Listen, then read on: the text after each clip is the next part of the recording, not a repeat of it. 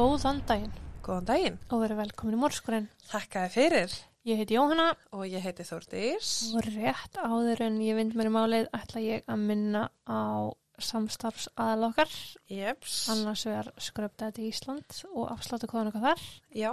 En með kóðunum Morskurinn fáið þið 20% afslátt af öllum vörum inn á síðinni. Mm Og hins vegar flugfélagið Play. Jeps. En við vorum að byrja samstarf með þeim og erum mjög spenntar. Mm Mjög spenntar sko. En eins og margir kannski vita þá er Play að fljúa til 35 mismunandi staða í heiminum. Ég held að engi vita en þau vita það núna. Já, já, við veitum núna allana. En það er Kanada, Amerika, Evrópa, you name it. You name it sko. Ég sá líka þeirra að byrja að fljúa til Fenea. Uh -huh. Hræ og dýrt, fullt af fótplássi.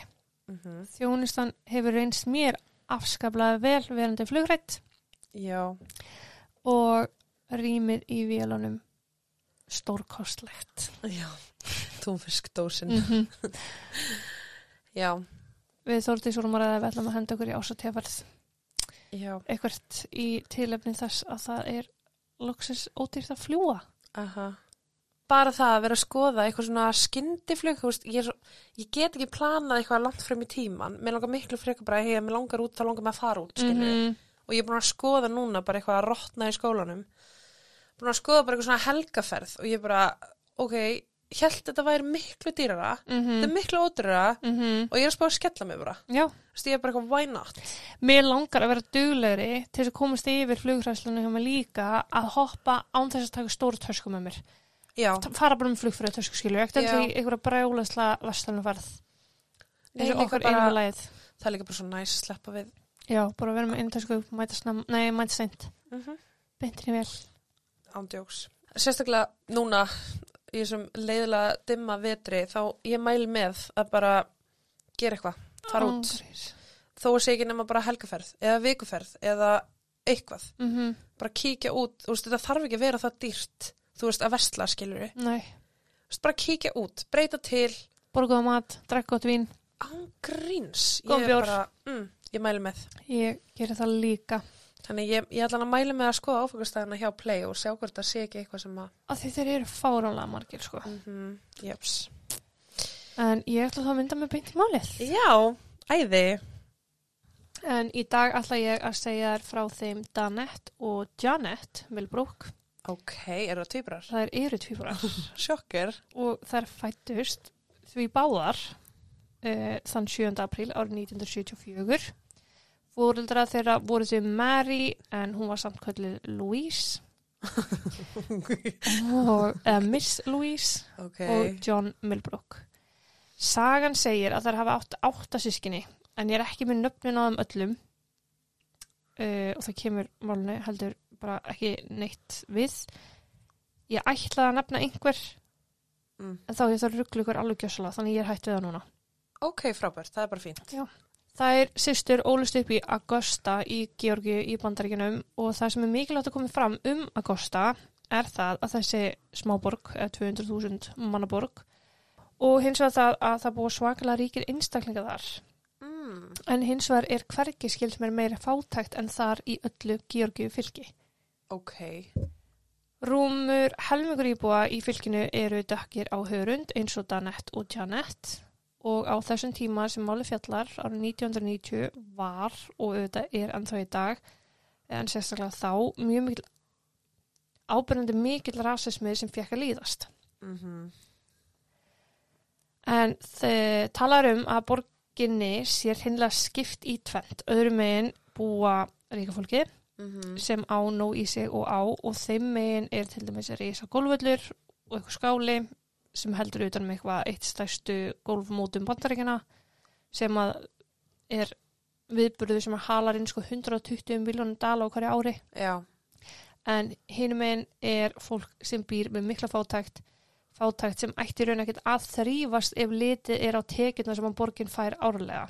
Já, já, já, En við erum að tala um það að borginni er skipt í tvent bara öðrum megin við Broad Street og hinum megin við Broad Street. Það er bara ein algata sem splittar í tvent. Öðrum megin, öðrum megin er allt frábært og hinum megin er allt mjög erfitt. mm. Ef einhver kom fyrir hvíta ríka fólkið var umfjöllunin svakaleg en ef einhver kom fyrir fólki sem var dögt á hörund þá var aðteglin ekki eins mikil, fréttaflutningur ekki eins mikil og lauruglu rannsóknir varðla settar af stað. Frábært. En móðisistrana hafði farið frá föður þeirra þegar það voru mjög ungar, bara tveggjara. En hann hafði verið mjög mikil ofbilsmaður og var sagður mjög vondur og mamma þeirra var orðin hrætt um það að hann færi að taka út reyðina á dæturum hennar eins og hann hafi gert við hana og, hann, og hún ákveð því einn daginn að pakka bara í töskur og fara. Málið var þarna að hún átti þrjú börn með þessu manni. Ok. Ein sýstir þeirra uh, tvípuruna Janet og Danette var einhverjum árum eldri Mm. og svo síðan 800 fleiri börn. En sýsturnar voru báðar tvær sæðar afar skemmtilegar og óskup venjulega stelpur. Þeim fannst gaman að brasa úti á sumrin, dansa við tónlist og voru mjög duglegar að búa til sína eigin dans og rútínur úr sína fólki. Þar voru báðar tvær mjög kurteisar, vel uppaldnar og góða stelpur. Báðum gekk mjög vel í skóla og þær voru hörku duglegar. Mm. Janette er sögð hafa verið aðeins minni en sýsti sín og aðeins ljósari á lit en báðar voru þær dökkar á hörundu sem ég nefndi. Janette var líka óhrætt við að hrista upp í lutunum og passaði sérstaklega vel upp á tvíbra sýsti sína Danette. En Danette var dekkri, hávaksnari en miklu meira inn í sig en sýsti sín og þær voru kjálfari oft sagðar bara verið og dagur og nótt. Mm. En umfram allt voru þar samheldnar. Þar voru bara algjörða samlokur og stuttu hver aðra í gegnum allt. Bara bestu vinkonur. Já. Lífið hafði ekki verið neitt auðvelt fyrir móður Danette og Janette. Hún hafði alveg upp börni sín í hverfi sem var ansið slæmt en mikið af gang, gengis átökum og ofbeldi uh, átti þar sér stað. En hún hafði árið 1990 loksins fengið annað húsnæði í tölverð betra hverfi sem var í um 40 minna fjarlæð frá þaðan sem þau byggu áður. Ok. Stelpunum voru í mentaskóla í gamla hverfinu sínu áfram sem átti eftir að setja smá strik í reikningin en ekkert sem að fjölskyldan taldi sig ekki geta komist yfir. Um var að ræða sérstaklega samheldna fjölskyldu sem bara gerðu það sem til þurfti að hafa gott. Þau voru nægisum og ánum með það sem þau áttu. Þau voru öll mjög trúið móðurinn kirkjurækin og því ekkert óeðalegt þegar öllum var rumpað á fætur sunnudaginn 18. mars árið 1990 til að fara í kirkju. Fjölskyldan átti ekki bíl en átti góða að í kirkjunni og bíl á vegum kirkjunar uh, var sendur út og láta hann keira til sinna meðlema Já. til þess að sækja og fara með í aðtöfnuna. Ok. Eftir aðtöfnuna hafði presturinn ákveð að gefa móður Danette og Janette smá pening til að móðurinn geti gefið börnunum sínum ágætan hátegismat en innan kirkjunar var svona smá sjóður til sem að aðri gáttu sett í Mm. til þess að styðja við fjölskyldunar sem voru innan kirkjunar. Já. Voru þá fjölskyldunar í kirkjunni að stiðja við baki á hverju öru? Eða sérst á sjálfur sér? Nei, bara aðra fjölskyldur sem áttu pening gáttu sett í Já. sjóðin Ok. fyrir aðra fjölskyldur sem getur þurft að þið halda. Já, já. Það sem var að vandast fyrir fjölskyldunni þegar þau komu heim var hvernig þau ættu að fara að því að kaupa hátegismatinn sem að presturinn hafi látið fá pening fyrir. En eins og ég sagði þá áttu þau ekki bíl og því ekki margir staði sem voru bóði en það þurfti alltaf verið göngufæri. Mm. Danette og Janette ákveða að gera mömmu sinni þann greiða að ganga að næsta nálega veitingastað Church Chicken sem bara finnast að nafn á veitingastað sem ég heirt. Sá Ok. veitingastæður var staðsettur í 800 metrar fjarlæð frá heimilinera og það var gífulega innfald að ganga þanga. Það þurftu bara að labba út gödunum sína, taka vinstarbeigju út hálfgerða svona aðalgötu Já. og svo til hægri, labba í nokkra metra, komin. Ok, þetta er mjög öðvilt. Nei, þú veist, þetta er bara vinstri beint áfram hægri. Já, já, já, já, ég fatt það. Ekki eitthvað, þú veist, þetta er ekki eitthvað svona flókaleið. Nei, nei, nei. svona 20 mínu lapp. Þar sækja matinn og lappa tilbaka en á meðan þær höfðu verið að lappa fram og aftur þá tóku þær eftir hvítum sendifræbíl sem hafði svona frekar ábrandi verið að keira á eftir þeim. Ok. Þær höfðu ekki haft miklar áhyggjur af þessu á leiðinni þangað eða heim en engar síður þegar komu heim til sín þá nefnir Janette þetta við mömmu sinna að það hafi einhver maður í hvítum sendifræbíl verið að keira á eftir. Og það, hvað er þær gamlar? 15 að vera 16. Já, ok. Það gaf þessu engin gaum, öllum skýt saman með þetta Ok, alveg. og fjölskyldan borðaði bara hátegismann sinn og bara nutu. Þegar leiði svo daginn þá nefna sýstunar við mömmu sinna hvernig það er komið til með að komast frá nýja heimilinu þeirra og í skólan í gamla hverjunu. En hann var jú ekki í göngufari, ekki í fljótu göngufari í það minnsta. Núna Mm. þau voru flutt og skólastrætóin kemur ekki til með að keira þanga á nýja staðin. Já. Og það voru ekki til peningar fyrir strætó. Mm. Þær Danette og Janette voru hefnar að eiga nóg af fólki í kringu sig sem að þótti væntum þær og þar á meðal var Guðfaðir þeirra hann Ted. Þær bjöllu á hann í leit að lausnum með að komast í skólan og hann vildi endilega láta þær fá auður fyrir strætó þessa vikuna. Ákveði var því að þær systur myndi ganga saman til hans í gamla hverfi þeirra. Uh, Louise, Miss Louise, mamma þeirra, var ekkert sérstaklega hrifin af því uh, að vita að stelpunum sinum gangandi um í þessu hverfi svar eins og ég nefndi á þann, svolítið þekkt lítið annað en ofbeldi og glæpi. Og Ætlu, áttu þær sérst að ganga til hans og hann ætlaði að fylgja þeim í skólan? Nei, er alltaf að segja pening, það, þetta er sunnudagur. Já. alltaf að labba til hans, fá pening, labba til paka Mm. til þess að geta borga strætó út vikuna. Já, já, já. En það, þar hefði bara þurft að vakna svolítið snemma ef er alltaf að fara að labba í skólan okkur um einasta mótni og heima aftur. Já, ok, ég skil.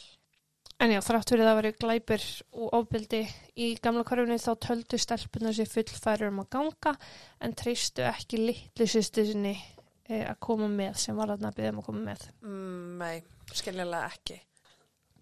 Svo úrverður að klukkan þrjú þannan dag þá leggja þær tvær uh, saman stað heim til tett. Þanga skilaðar sér og eftir smá spjall fáðar uh, pening fyrir strætó og smáis meira fyrir einhverju nammi sem þær ætlaði að kaupa sér þá á leiðinni heim. Ok.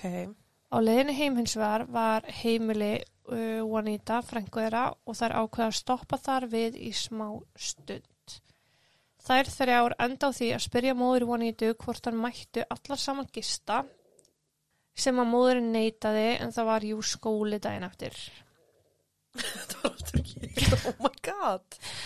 Hún kvatti stelpunar til að fara uh, að leggja af stað en hún kvatti stelpunar til að fara að leggja af stað en það var að bresta á myrkur hvaðu hverju og henni leist lítið á að þær væri að ganga einar í myrkrinu. Þær halda eftir að stað og nú í þetta skipti stoppaður hjá eldri sýstu sinni en hún hafi nýlega eignast lítið badd sem þær sýstur vildu sjá. Eftir það stopp var planið að halda af stað allavega heim en nú var komið bara alveg myrkur svo þær spyrja sýstu sína hvort hún getur mögulega að labba með þeim allavega heim. Já. Þetta hefði sýstu þeirra þótt frekar undarlegt enda stelpuna mjög sjálfstær og hefði getað sigra heiminn saman og eins og hún hefði viljað samt geta sagt já þá var hún innfandla að jafna sig eftir fæðingu og með lítið bann heima Mm. og hafði því ekki tök á nýja trist hún sér til að ganga með þeim. Þetta var ekkert mál, stelpuna skildu þetta vel og þær halda þá bara af stað heim til sín. En eitt stoppið var framöndan hins var Pump and Stop, bensinstöðin. Til að kaupa nammið. Já, Já. en Ted Guðfæður að hafi gefið þér smá meiri auður fyrir nammi. Það þangað að komið var ennum 40 mínna gönguleg heim því þær höfðu haldið sér í sínu gamla hverfi þegar þær heimsótið Ted, frænkusinu og eldri sýstur þannig að þau eru bara að hoppa millir húsa í rauninni í bara litlum radjus. Inn í sjoppuna ganga þær eða bensinstöðuna og velja sér nammi. Þær tala við afgryslukonuna sem þær þekktur vel eftir að hafa búið í hverfinu í öllis ár Já. og þær spjalla um hvernig heilsan á mömmu sýsturinn sé og sískina og annað. Afgryslukonan tók ekki eftir neinu undalegu í fari stelpununa, annað en það að þegar stelpuna leta hann fá pening þá snýr hún sér við til þess að sækja skiptimynd og þegar hún ætlaði að snúi sér aftur við til þess að gefa stelpunum peningi tilbaka þá voru stelpunar hortnar. Ok. Heima beigð móður stelpununa eftir þeim, orðið ansi óróleg að þær var ekki enn búnar að skilja sér heim og þegar leið enn fyrir ykkur á kvöldið þá ákáð hún að fara með dóttur sinni út að leita að systrunum. Það leituði í runnum, húsusundum, skólendinu sem var hann í kring og allstæði sem þeim datt í hug en þarna voru þær orðnar áhyggjufullar um Danette og Janette. Þar eittu góðan tíma í að leita og ákvaðu svo að ganga heim og sjá hvort þær hefði bara ekki skila sér þanga aftur. og þá orðnaði svona freka vongaðar og aðeins minna af áhyggjum. Bara svona, við erum Mhm. kannski bara að gera úlvalda úr mýflögu. Já. En þegar komu heim og sáu að stelpunar höfðu ekki skila sér þá ákvað móðið þeirra að ringja strax í Richmond síslu laurugluna Richmond laurugluna og óska þér aðstóð. Rítarinn sem tók við símtalinu ráðlaði þeirra að slaka bara aðeins á. Lauruglan geti hvort er ekkert gert fyrir ná 24 tímar voru liðnir frá því að þær sáust síðast. Eskritin regla, sko. Já. Móður stelpununa skellti á reið og óánæð enda leiðinni eins og eitthvað vera ríf og úrin í hjartað að finna ekki stelpunum sínar. Uh -huh. Sér í lagi vegna þess að Danette var með flogaveiki og reytti á lif vegna þess daglega. ah, Þannig að hún myndi ekkit bara eitthvað stinga af Nei, og var náttúrulega fullfærum að vita það. hún Hún þurfti að lifa nákvæmlega. Sko fáralega skynsama stelpur, Mm. engar, þú veist, ekki neina ruggludallar og þú veist, ekkert byrlaða vesen, sko. Nei. Leitmóðurinnar hjælt áframinni kvöldi og nóttina og ekki neitt kom upp. Engin vissi hvað hafði orðið af þeim. Eftir nokkuð símtöl hinga og þanga kom nú samt í ljós að þær hafði farið frá Ted til frængusinnar og þaðan til sýstusinnar en annað var ekki komið í ljós að þessu stöddu. Að 24 tímum uh, liðnum þá ringdi móðir starflana aftur í lauruglu vongóð um að laurugla myndi aðstóða í þetta skipti. Hún fekk að ræða við rannsókn lauruglumann sem sæðist alltaf renna við til hennar fljótlega en hann var ansi skoðunaglæður í síman og við kollega sína um að stelpunar hefðu öruglega bara strókjað heimann. Mm, það er eins og allar 16 ára stelpur gera í dag. Emitt. Já. Lauruglan kom ekki þann daginn og ekki næsta og ekki næstu fimm eftir það. Ok. Lauruglan mætti að sjötu um liðnum eftir hvarfstelpnana og tók þó fyrst skýslu sem átti eftir að vera svo eina sem var tekin í tengslum við mál stelpnana. Og þannig eru hvað sjöta liðnir. Já. Þetta hafði allt saman frest í nágrann hverfin og afgaríslu konan frá bensinstöðinni hafði sett sig í samband við móðu stelpnana og láta hann að vita því hvernig þetta hefði verið hjá henni þennan dag sem það hverfa. Það hefði bara gengið út án þess að taka peningi sinn. Hún sjálf hafði stokkið út til að sjá hvað hefði orðið að þeim en ekki síðan neitt. Ok, og það hlýtur að vera að gerast á bara nokkur sekundum. Já, þannig að hennar ágískun var svo að þær hefði jafnvel hoppað upp í bíl með einhverjum eða gengið í öfuga átt við þanga sem þær sögðust alltaf fara, sem var heim til sín. Mm. Þannig að hún leit bara í þá áttuna og Sá var ekkert að tjekka eitthvað sérstaklega í hín áttuna, skilur. Nei. Lauruglun hafði enn sem komið var ekki rætt við afgjörslukonuna, ekki rætt við Ted, ekki við frænguna eða systurina. Nei, það er bara sópað undir teppið. Mm Og þessi rannsóknu lauruglumæður sem átti upprunalega símtali við móðu Danette og Janette uh, var bara sannfæri um að þær hefðu strókið og svoleiðis var það bara. Já. Fjölskyldan átti ekki peninga til að efla til neitna rannsóknar sjálf, ekki til uh, neitna leitar, þau gáttu ekkert gert annað en að reyna að halda áfram að lifa sínu lífi án svara. Já. Frábært. Svo er það ekki fyrir ári síðar eða þann 8. apríl árið 1991 eh, þá stóð það er bankað upp á heimilum og þeirra og fyrir utan stóð annar rannsónuleglumæður sem að vakti í örlitla stund von. Bæði vonum það að stelpuna var á lífi og í lægi en líka vonum að ef þær væri þá látnar að þá allan að líkamsleifa þeirra væri þá fundnar. Ah, ok. Beggja þá. Já, þú veist, það var bara, mamman bara fekk vonum skilur og hún var að fá einhver svöraðna þegar hún sá opna hörðinu og sá Já, já, já. rannsóknarlöglumann. En það var aldeilis ekki svo, því að rannsóknarlöglumadurinn var þarna mættur. Dægin eftir það sem átti að vera 17 ára afmælistæðu stelpnana til að láta móður að vita af því að þar sem að stelpuna væri nú 17, þá var engin að fara neyða þær heim. Því þar höfðu jú strókið samkvæmt lögreglu og að málinu væri nú lokað. Oh my god. Það er þetta ammali sko sjönda og hann mættur áttunda. Já, Bara þess að þetta hafi bara hent í kalandrinu mætt sko. já. Eh, Þessu gætt móðið er að ekki mótmælt þó hún hafi reynt. Það stóð bara ekki til bóða. Þetta var bara vald sem að lauruglan hafði og Mhm. ákvaða að beita og nýta sér. Og ég minna að þú ert ekki með lögregluna til að hjálpa þér. Hver er þá að fara að hjálpa þér, skilur þú? Nákvæmlega. Og svo liði bara áfram árin. Árið 1993 hafði National Center for Missing Missing and Exploited Children samband um móðustelpuna eftir að þau komist að því að það veri enn verið að leita stelpunum. Já. En upplýsingarnar sem þau hafðu fengið voru þær að upplýsingar sem að þau hafðu um stelpunar í sínu kerfi ætti að fjarlæga að þær hafðu fundist. Já. Þannig að þrjá múnar setna. Rannsóknlaurulmaðurinn Jim Shipp sem að sá um hvarfið frá fyrsta degi hafði óskað eftir þessu. Jim shit, þú Mhm. meinar. Já. En hann hafði verið harða ákveðin frá fyrsta degi að þær hefðu strókið að heiman en þetta átti ekki að það komi ljós fyrir mörgum árum síðar Mm, að það hann hafi verið Jim Shipp sem að Jim Shit sem Ok. að hafi sagt þetta. Það átti nefnilega ekki nokkuð skapa hlutur eftir að gerast í árun í málinu í 20 ár eða frá 1993 til 2013 Mm. en árið 2013 var nýr fókiti kosin í Richmond síslu og sá var dökkur og hörund, fyrsti dökki maðurinn, einstaklingurinn til að sinna því starfi frá upphafi. Já. Árið 2013 sem er fárlegt. Já. En það var Richard Roundtree og hann myndi eftir, syst, eftir máli systrana frá því að hann var ungur. Hann hefði búið á svæðinu og hann hefði vel vitað að þetta var ekkert um að rasísk vinnubröð, að Mm. engin rannsókn hafi verið í gangi og engin almennilega leit. En þetta var bara saga borgarinnar fram að þessu. Já. Og hann var hann bara að mæta með læti og ætlaði að breyta öllu. Það var frábært.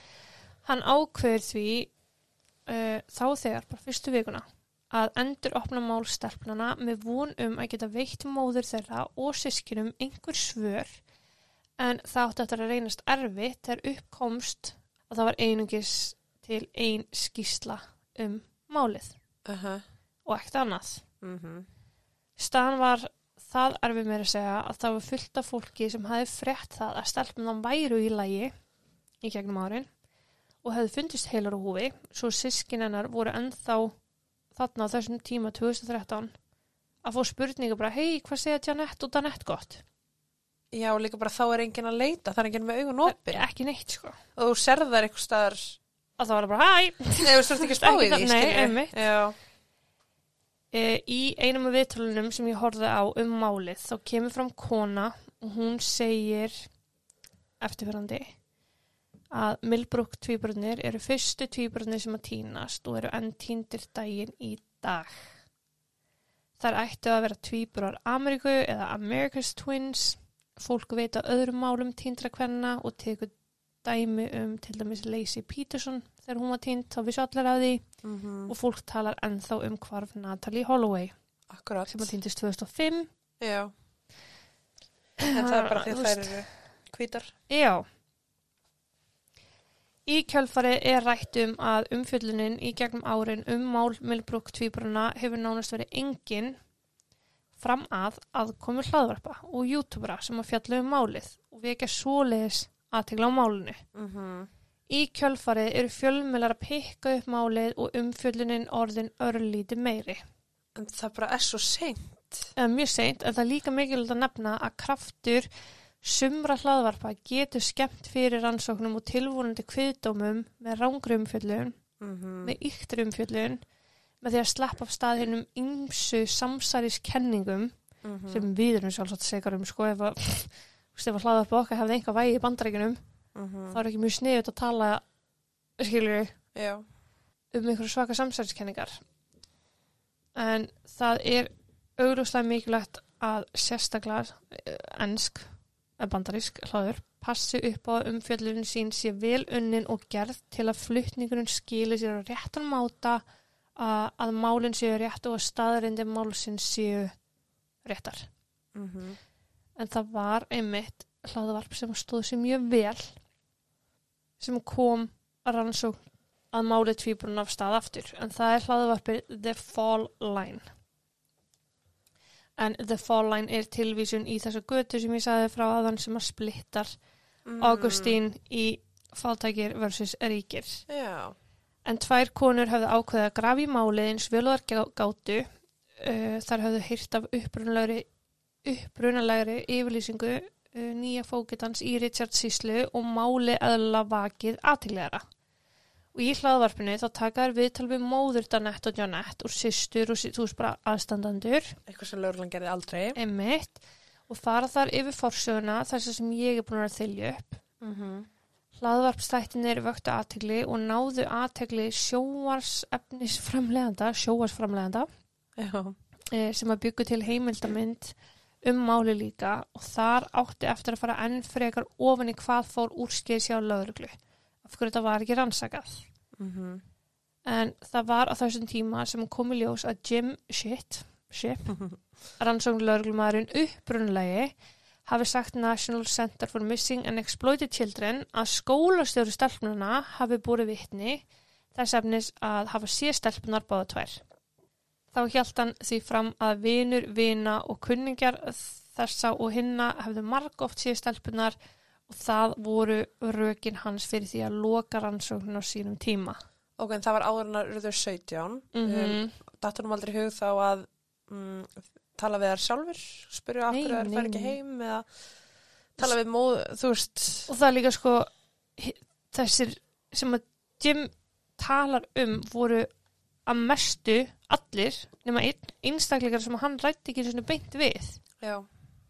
Þannig að nú var svolítið erfitt fyrir þetta kvikmyndakrú að komast að því um hver var að ræða til þess að staðfesta frásagnar Já. og skólustjörinn, hann var dáinn Mm, æði. Í heimildamyndinni er í raun bara þrætt ferðir stelpnana frá upphafi til enda, það er útskýrt og sínt hvert þar fara og aðilar í myndinni fari við máli. Því sé aðilar eða þú veist þessum koma að myndinni, þetta er, þetta er rannsóknar uh, lögreglumæður úr mordild Mm, og aðrir sem koma að því. ok. En þessi fyrrum rannsóknarfulltrúi mordildarinnar gat með einhverjum hætti fengið Jim Shipped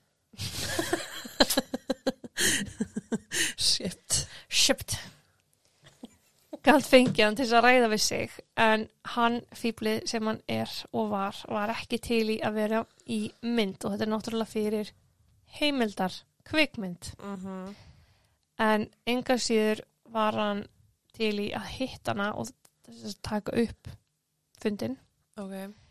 en á þeim fundi komi ljós að Jim Shipp ég get ekki sagt það lengur er bara fíbl frá upphæðlanda því þegar hann er spurður út í málið bara mannstættir Milbrooks tvíburnum þá er hann bara já, alveg rétt stelpunar sem að störugu Já.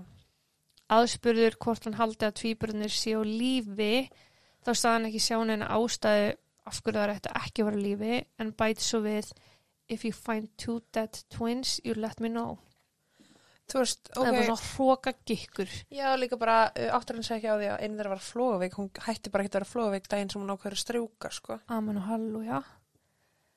Hann hjælt í svo fram að móðistelpnuna var með lága greinduvístölu og þess vegna bara myndi hún ekki eftir því að hann hafi margsins rætt við hana. Hann rætti hana einu sinni eins og allir heldur fram. En hann var bara, já, hún er bara svo heimskon mann það ekki. Mm. Rókislegur. Hann vildi meina það að hann hafi talað við hana einu sinni viku til að byrja með og síðan meir á tveggjafuna fresti á meðan máli var enn óleist og það er þó ansi mörg skipti um, á Já. einu ári. Og líka bara þó sem hann hafi talað við hana, þá var hann ekki að rannsaka neitt, hann var ekki að gera neitt, þannig að þú veist, Ekki raskat sko, þannig að þó sem þau talað saman sjösunum eða tuttusunum eða einu sinni, að þá, það breytingu. ekki neinu. Þegar hann er spurður frekar úti af hverju hann sé svona vissum það að sýsturnar hafi strókið, sað, þá sagði hann það vera að því að the Millbrook twins were known Mm. Ok. eða þær hafi verið þekktar í samfélaginu. Já. En hann vildi ekkert gefa því betur útskýringu eða rauk.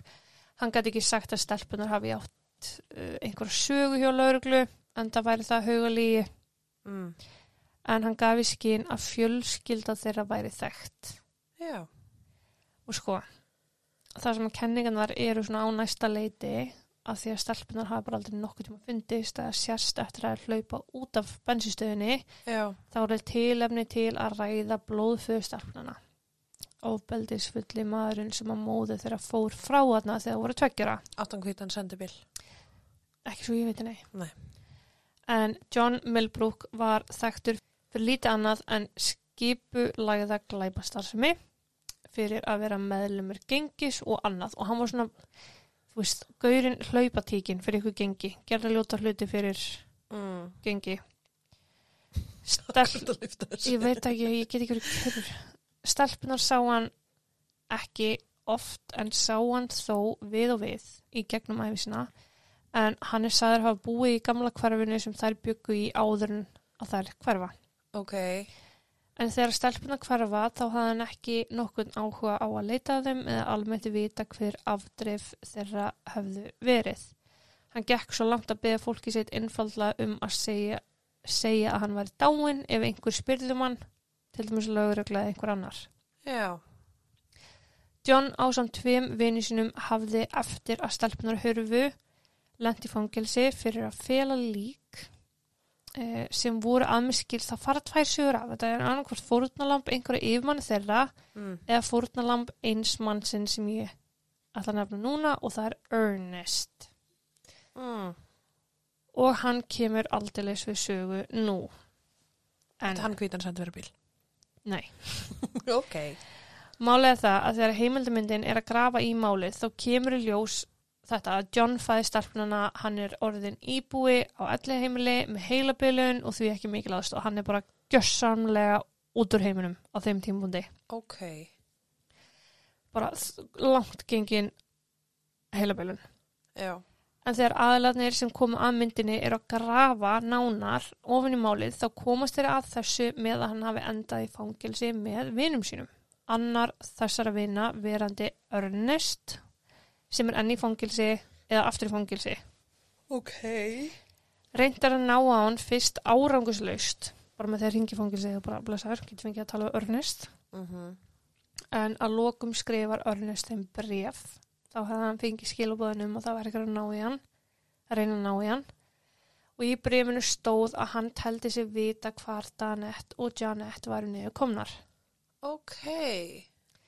Brefið er fært lögreglu sem gerir bara nákvæmlega ekkert í málunu. Svo að kvikmyndafólkið ákveður að skrifa honum bref tilbaka og óska eftir upplýsingum. Mm. Hann svara því brefi með öðru og segist vera tilbúin að ræða við þau en það þyrfti þá að gerast ef að kvikmyndafólki færi heim til dóttur hans. En Ernest ringdi í hana, náttúrulega reglulega. Já. Krúið mætir heim til dótturinnar og býða þólimóð eftir símtalinu sem að best svo aldrei. Ok. En ákveðir að nota tíman í að spyrja dótturina frekar út í þetta. Af því að þau eru bara eitthvað, ok, þú veist eitthvað sko. Já.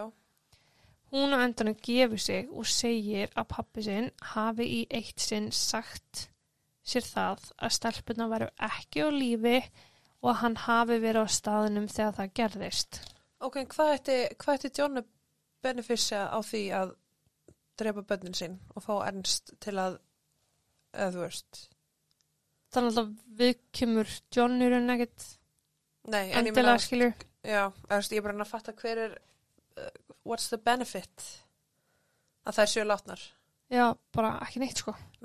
bara, já, ok, Já, en John kemur enda við sögu en það þyrfti ekki að vera þannig. Þau bara fyrir tilvílum finna þessa tengingu sko að, og, og orðnst veiti um þessar upplýsingar skilur. ok, En hjólinn fara aðeins að snúast núna og næsta dag þá ringir krúið vilt og galið í fangilsið og þau fá að lokum samband við Ernest og hann hafði aldrei sögu að segja. sælir, Hann sagði að hann hafi verið 12 ára gamall, seljandi krakk í gamla hverfinu sem að tvíburna byggu í. Þetta kvöld sem að það er hverfa. mm. Hann sagðist vera Hann sagðist hafi verið í húsnæði á samt 8-9 mönnum þar á meðal pappastelpnuna þegar þær komið þanga til að segja hæfu pappasinn. ok, Eina sem hafi verið á dagskrá hjá þessum mönnum þennan daginn var að neyta fíknefna og drekka áfengi. mm. Ernest heldur áfram að segja það að önnu sýstrana hafi fengið sér drikk og reykt jónu. Hann tekur ekki fram hver þeirra var, reynlega því að hann vissi ekki munin á þeim, vissi ekki hver, hvor var hver. ok, Hann heldur áfram og segir að þegar hún var orðin ábrandi undir áhrifum hafi einhver mannana reynd að fá sinu framgengt en að þá hafi hinn sýstrinn stigið inn í og þetta hafi endað þannig að hún hafi verið kild svo sem að stegið inn í mm. dotti aftur fyrir sig og lent með höfuð á borði. ok, Hvað gerir svo er ekki vitað en allir voru beðinir um að fara af einhverjum einum einstakling sem Örnest tekur ekki fram hver var. mm. segist ekki muna hver það var. Eftir þetta kvöld voru stelpunar hortnar og enginn sáðar eða vissi af þeim meir, segir hann.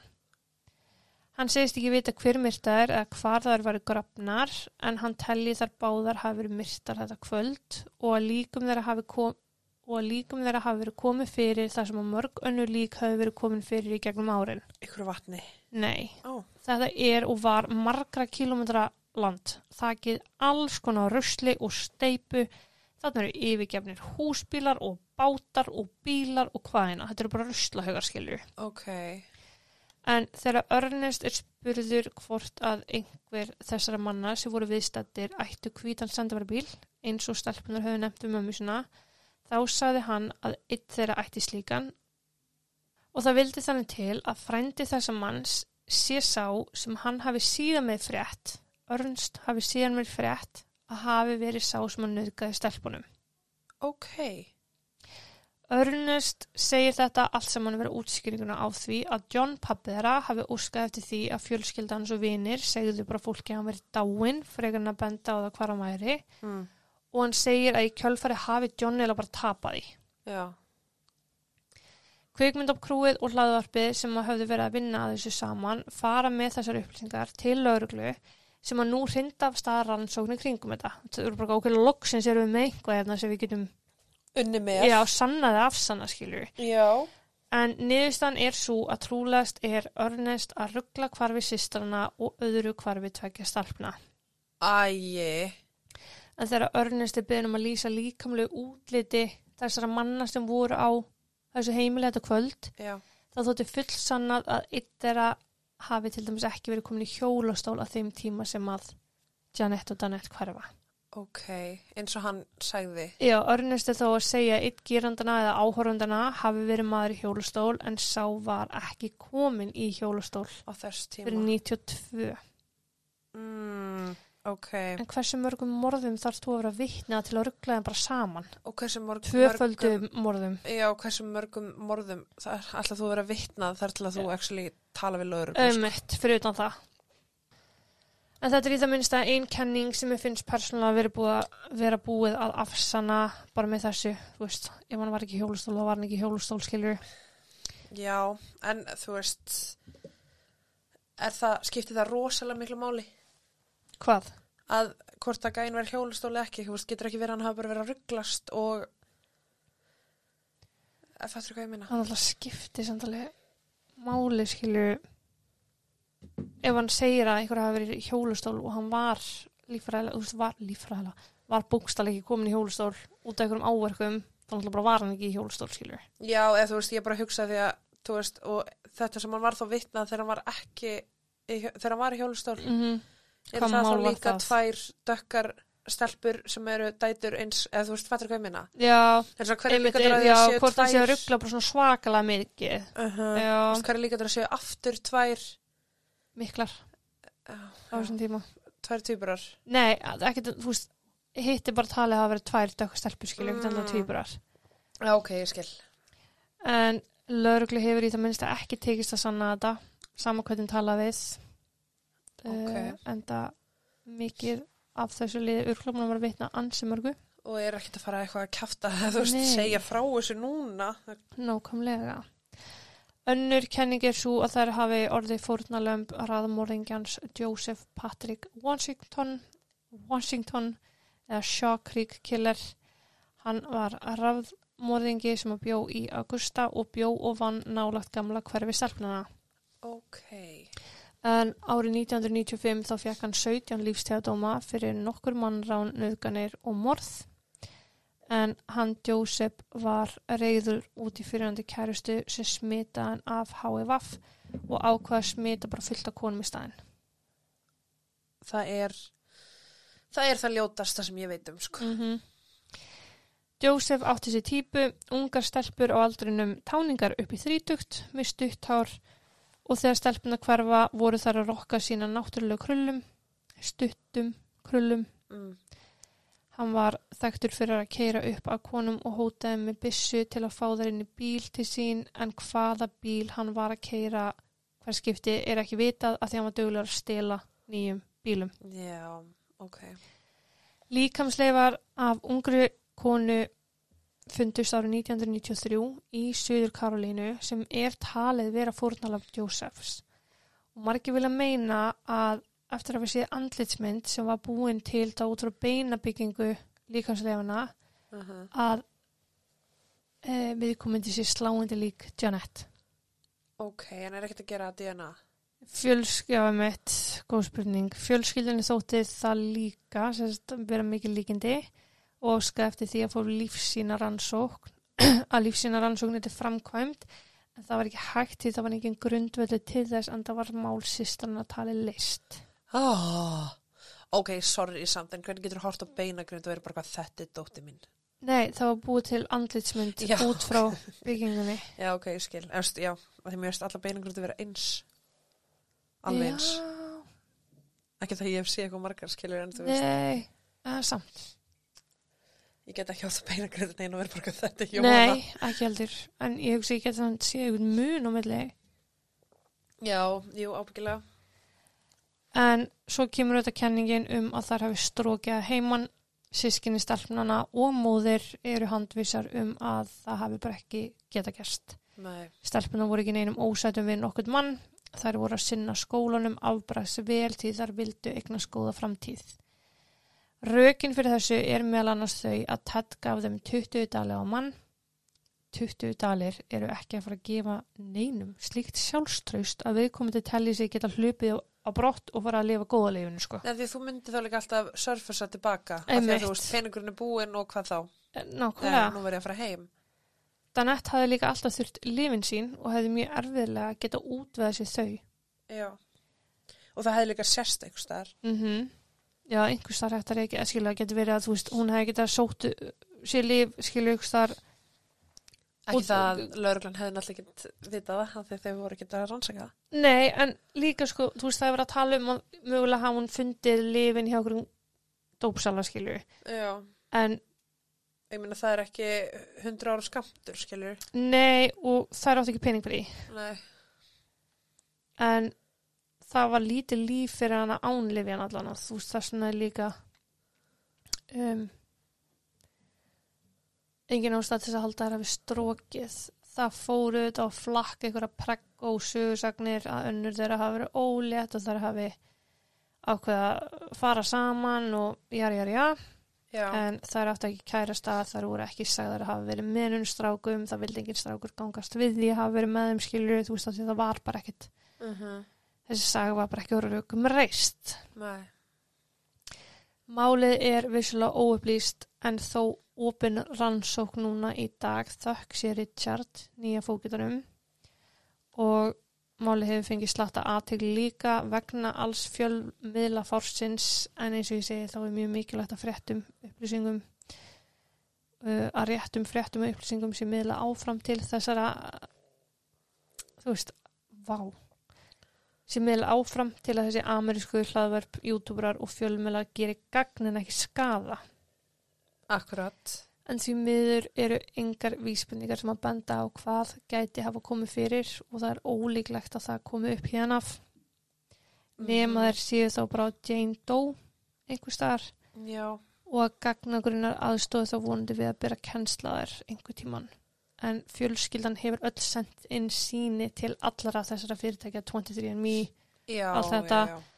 Bæði með vonum að þær séu bara á lífi og eiga kannski börn sem að hafa skráð sig í þetta. Uh en líka með vonum að niðurst að komi í máli ef þær eru þá látnar. Það sé þá þetta bara að koma með þær heim. Akkurat. en það hverfa enga tvær stelpur. Og þær erum að tala ókslega mikið um það líka bara. Hvernig er þetta að ræna þau með að voru tvær? Mm, Það það, er mjög veld. og það erum að tala um að það er sérstaklega auðvelt að ræna þeim að þær voru tvær. Já. af því að önnur þeirra til dæmis var mjög skynsum og meðan heim var svolítið köld. Mm ef þessi köldu var rænt og þá er hinn skynsum að líka til þess að bara fylgja og þegja og þakka neyri sýstsni til þess að reyna að bjarga aðstæðum. Þetta er líka bara að þú þú með að byssa á eina og segir, fylgdu með hann, skýti sýstuðina, ok, hún er komin upp í bíl, sko. nákvæmlega, það þarf ekki meira. mér er bara mest skríti við þetta er að þær tók ekki afgangin þú veist, ef þeim var rænt, þá var þeim væntalega rænt fyrir utan bensinstöðuna ég held að þannig að þú veist, akkur tók þær ekki afgangin sá þær eitthvað fyrir utan og voru hrættar alltaf að komast undan þú veist, þetta er svona, akkur takk ekki afgangin lappið sér út og svo er eitthvað rænt það er mér svolítið pyrrand að veit ekki hvað mikil afgangurum var hvort það hefði bara verið einhverju nokkur sent og þeim að verið skýt sama en það verðast bara- heldur ekki verið típun þess að vera skýt sama um nokkur sent. peningurinn skipti gríðarlega miklu máli fyrir þær. Þú veist, þær þurftu hverja einustu krónu til að komast í strætó, skilur algjörlega, þannig að, þú veist, já það er þannig sko. En ég held að æ, já, er samt, ég er samt farin að hafa svo tröll að trú á því að öll, allar þessir lífsina DNA gagnagruna, erfða gagnagrunar ef það skilur svo ógeðslega miklu já, gera mikið gagn í framtíðinni. Þannig að vonandi bara er einhverjum núti að vinna hartaði að sapna lífsinum frá Jane Doe eins og við höfum fjallað um í nokkrum málum. Og það er bara finnist og eins þessi kona sem fannst árið 1993 þú veist, tók eitthvað lífsinu úr henni er þetta að bera saman við fjölskyldunanir í dag? En það er, mér skilst það að sé ekki enn útskuraða látnar. Æ, ég meina kannski það er líka bara gott. Það er bara að því það heldur örugglega bara áfram sko. já, ég myndi halda það sko en já, það er ekki meir frá mér í dag. Nei, þakka fyrir mig og takk og bless. Takk og bless